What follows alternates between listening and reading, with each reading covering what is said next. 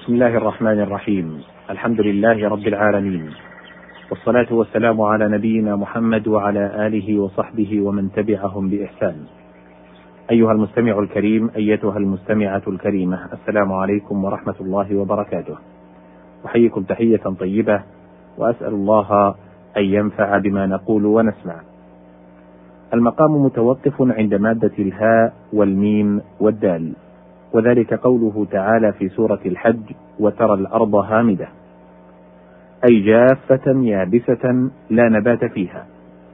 وأصل الهمود السكون والخشوع والبلا. ومنه همد الثوب.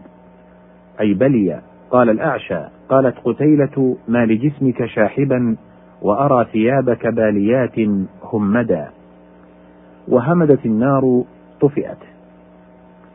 الهاء والميم والزاي. قال سبحانه وتعالى في سورة الهمزة ويل لكل همزة. الهمز كالعصر ومنه همزت الشيء في كفي أي عصرته. ثم عبر به عن الاغتياب. والهمزة الكثير الهمز كالهماز في قوله هماز مشاء بنميم. وعن ابن الأعرابي الهماز المغتاب بالغيب. واللماز المغتاب بالحضرة؟ قال الشاعر إذا لقيتك عن شحط تكاشرني وإن تغيبت كنت الهامز اللمزة. وعن شهر بن حوشب عن ابن عباس رضي الله عنهما في تفسيره قال هو المشاء بالنميمة المفرق بين الجماعة المغري بين الأحبة.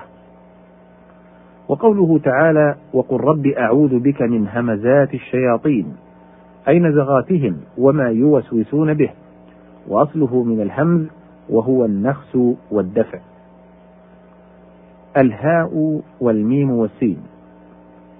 قال سبحانه وتعالى في سورة طه فلا تسمع إلا همسا جاء في التفسير إنه صوت الأقدام حين يمشون إلى المحشر. وأصل الهمس الصوت الخفي وهمس الأقدام أخفى ما يكون من صوتها ومنه همس الإبل كقول الراجز وهن يمشين بنا هميسا وقيل هو تحريك الشفتين دون نطق والأول أشهر ومنه الحروف المهموسة وهي مجموعة في قولك سكت فحثه شخص ومنه تسميتهم الأسد هموسا لأنه يمشي بخفة فلا يسمع صوت وطئه. الهاء والميم والميم. قال سبحانه وتعالى في سورة يوسف ولقد همت به. أي عزمت وقصدت. وقال أبو حاتم كنت أقرأ كتاب غريب القرآن على أبي عبيدة فلما أتيت على قوله ولقد همت به وهم بها. قال أبو عبيدة هذا على التقديم والتأخير. كأنه قال ولقد همت ولولا أن رأى برهان ربه لهم بها. وما قاله حسن جدا. فبين الهمين فرق. قيل واصل ذلك من الهم وهو الحزن الذي يذيب الإنسان. يقال هممت الشحم فانهم أي أذبته فذاب. فالهم الذي تهم به نفسك يكاد يذيبك حتى تفعله. ومن ثم قال الشاعر وهمك ما لم تمضه لك منصب. الهاء والنون والحمزة. قال سبحانه في سورة النساء فكلوه هنيئا مريئا. الهنيء كل ما ليس فيه مشقة ولا تعب.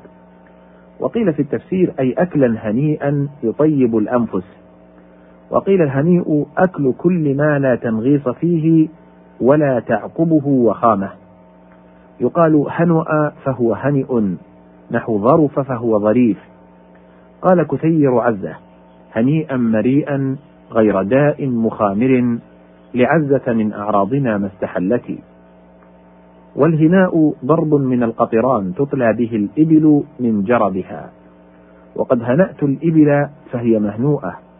قال امرؤ القيس كما شغف المهنوءة الرجل الطالي. الهاء والواو والدال. قال الله سبحانه وتعالى في سورة البقرة والذين هادوا. أي رجعوا وتابوا. والهود الرجوع برفق. والتهويد المشي كالدبيب وصار الهود في التعارف التوبة كقوله تعالى إنا هدنا إليك أي تبنا. وقيل سكنا ومنه الهوادة وهي السكون والموادعة. قال الراغب يقال هذا فلان إذا تحرى فعل اليهود. ومنه قوله تعالى والذين هادوا. ويهود في الأصل منقول من الفعل المضارع نحو يزيد ويشكر. فامتناعه من الصرف يحتمل أن يكون للوزن والعلمية أو للتأنيث والعلمية باعتبار القبيلة.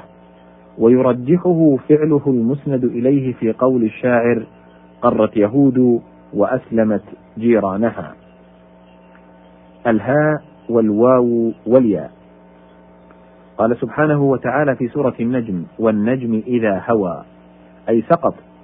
قيل عن الثريا ويقال هوى يهوي سقط وهوي بالكسر يهوى بالفتح أي مال وأحب. قال تعالى بما لا تهوى أنفسكم أي تميل وتحب. ومنه الهوى ومنه ميل النفس إلى الشيء ومحبتها إياه. وقد غلب على الميل المذموم قال تعالى ونهى النفس عن الهوى. قال بعضهم وهو على الإطلاق مذموم ثم يضاف إلى ما لا يذم فيقال هواي مع صاحب الحق أي ميلي. وقال الشاعر هواي مع الركب اليمانين مصعد حبيب وجثماني بمكة موثق. وقيل الهوى ميل النفس إلى الشهوة وقيل سمي بذلك لأنه يهوي بصاحبه في الدنيا إلى كل داهية. وفي الآخرة إلى الهاوية. وقد عظم الله تعالى ذم اتباع الهوى في قوله أفرأيت من اتخذ إلهه هواه أي ما تميل إليه نفسه. وقوله تعالى ولئن اتبعت أهواءهم إنما جمع لأن لكل واحد هوى غير هوى الآخر وقوله تعالى فأمه هاوية يعني بها النار. وقيل هي اسم طبقة من طباق جهنم أعاذنا الله منها. سميت بذلك لهوي صاحبها فيها على أم رأسه. فيجوز أن يكون كقوله عيشة راضية أي ذات هوى. ويقال الهوي بالضم ذهاب في انحدار والهوي بالفتح ذهاب في ارتفاع. قال الشاعر يهوي محارمها هوي الأجدل وقوله تعالى وأفئدتهم هوى أي قلوبهم خالية من الجزاء. هنا ينتهي وقت هذه الحلقة. وقد بقي في هذه المادة بقية. أرجو أن يعين الله سبحانه وتعالى على إتمامها في لقاء تالي. أشكر لكم طيب استماعكم. والسلام عليكم ورحمة الله وبركاته.